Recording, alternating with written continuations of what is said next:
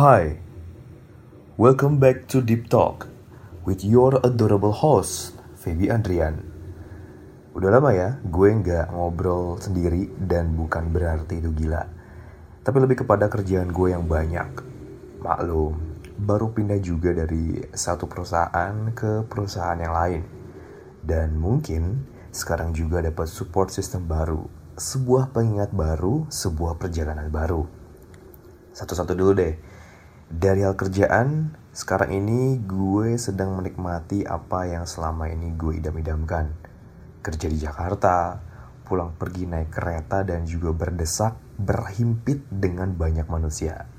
Ada yang tanya, kok bangga sih Feb lu dengan berhimpit dan berdesak di kereta? Yap, gue menikmati perjalanan itu sih. Banyak cerita, makna, dan juga pengalaman menarik selama kurang lebih 2 hingga 3 bulan ini gue jadi angker alias anak kereta. Orang-orang berusaha menjaga kestabilan emosi mereka, hati, dan jiwa dengan menonton, melihat, atau mendengar suara aja itu yang namanya rindu itu sudah perlahan hilang seketika. Yang sering gue lihat adalah seorang bapak di salah satu pintu kereta yang gak kebuka nih saat sudah sampai pemberhentian. Video call diaktifin demi melihat sang buah hati sedang melakukan aktivitas paginya atau sekadar mencari ke mana ayah atau bapak atau papanya sepagi ini.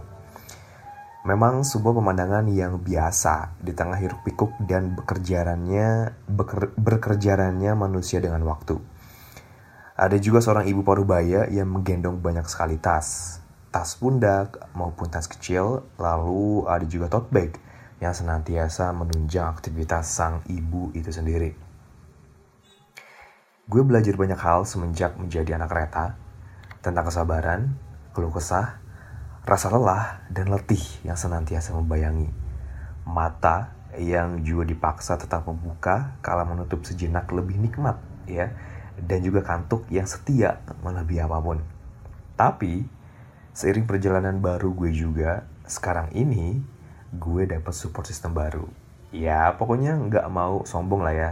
You know what it is kenal dari sebuah media sosial dan bertemu untuk pertama kalinya di sebuah kafe. Malam yang gue rasa akan panjang dan menarik. Udah dua kali nemuin lawan jenis yang membuat hati gak aman. Tapi pertemuan kedua dengan lawan jenis ini berbuah hasil yang berbeda. Bukan maksud membanding-bandingin ya, namun di pertemuan yang kedua dengan orang yang berbeda itu adalah sebenar-benarnya perjumpaan yang gak biasa dan gak pengen cepet beres. I don't know, seperti judul podcast ini, bahwa memang yang namanya nyaman itu ditemukan, bukan dibentuk. Tapi kalian percaya gak sih dengan hadirnya orang spesial itu akan menunjang dan membuat kalian lebih kreatif lagi? Tapi menunjang dalam hal apa dulu nih? Misal, memulai aktivitas. Berlebihan sih emang pikiran gue ini. Tapi coba kalian bayangin pagi hari pagi hari kalian dimulai dengan morning text yang bisa bikin mood kalian naik seharian entah di jalan kena macet jadwal kereta berantakan perbaikan jalan e, protokol dan kantor yang belum ada orangnya karena datang kebagian karena ya nanti sore atau malam kalian akan bertemu lagi saling menceritakan kabar masing-masing gimana kerjaan gimana pertemuan dengan klien dan gak lupa juga ada banyak emoticon untuk bikin suasana makin cair. Saran gue sih, cari pasangan atau pacar itu boleh-boleh aja. Bebas. Ngapain juga, gue menggurui lulu pada. Gue bukan siapa-siapa. Gue hanya berbagi opini gue, terutama masalah percintaan, rasa kangen, dan juga perasaan yang gak pernah diungkapkan. Jatuh cinta menuju milenium kedua alias tahun 2020 itu harus pintar-pintar mengatur semua hal dari mulai kerjaan, tekanan, dan rasa salah paham pasti ada. Memang, ada yang bilang punya pacar ataupun enggak itu enggak terlalu berdampak signifikan sama hidup. Ada yang punya pacar tapi sama-sama saling sibuk, jadi nggak pernah bisa komunikasi dengan enak. Ada yang nggak punya pacar tapi networkingnya atau teman-temannya bagus dan baik-baik aja. Ya memang hidup itu ada sedikit adilnya. Kalau gue pribadi, karena sudah mengalami banyak hal atau kedua hal itu, punya pacar dan mengalami masa single, ya jalannya aja dengan santai. Track record pacaran gue juga ini gak buruk-buruk amat cuy. Gak pernah ganti-ganti pasangan. Sorry, bukan promosi nih. Putus pun karena kesepakatan kita berdua dan ya udah, life must goes on or show must goes on. Di kala pacaran mungkin akan ngerasa yang namanya saling memiliki itu ada. Tapi apa daya kalau nggak cepat disahkan di mata agama dan negara. Ngerasain patah hati juga udah pernah. Ya lumayan, lumayan sakit cuy. Mungkin definisi yang tepatnya adalah sakit tapi nggak berdarah. Di situ ya keguncang lebih ke mental dibanding fisik.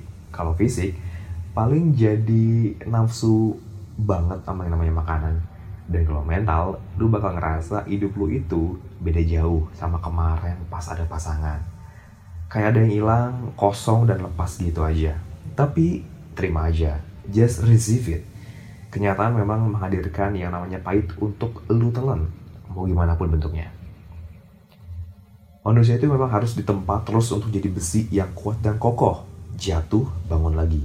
Gagal, coba lagi. Dan patah hati, cari lagi dokter juga nggak ada obat untuk para korban patah hati. Obatnya patah hati, ya jatuh cinta lagi dengan sepenuh hati. Dan kalau misalnya takut untuk jatuh cinta, coba cintai dulu jiwa dan ragamu dengan minum minuman buat usus. Eh bukan deh, sorry. Coba cintai dan sayangi diri lu dulu. Dimulai dari diri lu, baru nanti lu kasih juga rasa sayang lu itu ke orang yang benar-benar tepat. Ya, Okay? It's it is fair enough. So, that's it. Deep talk for today. Ya mau kolaborasi bisa banget mention ke IG atau Twitter di @andrianfeby IG dan di @febyandrian underscore di Twitter. Dan dengerin terus di Anchor, cari aja Feby Des Andrian atau di Spotify, search Deep Talk. See you at the next episode. Peace.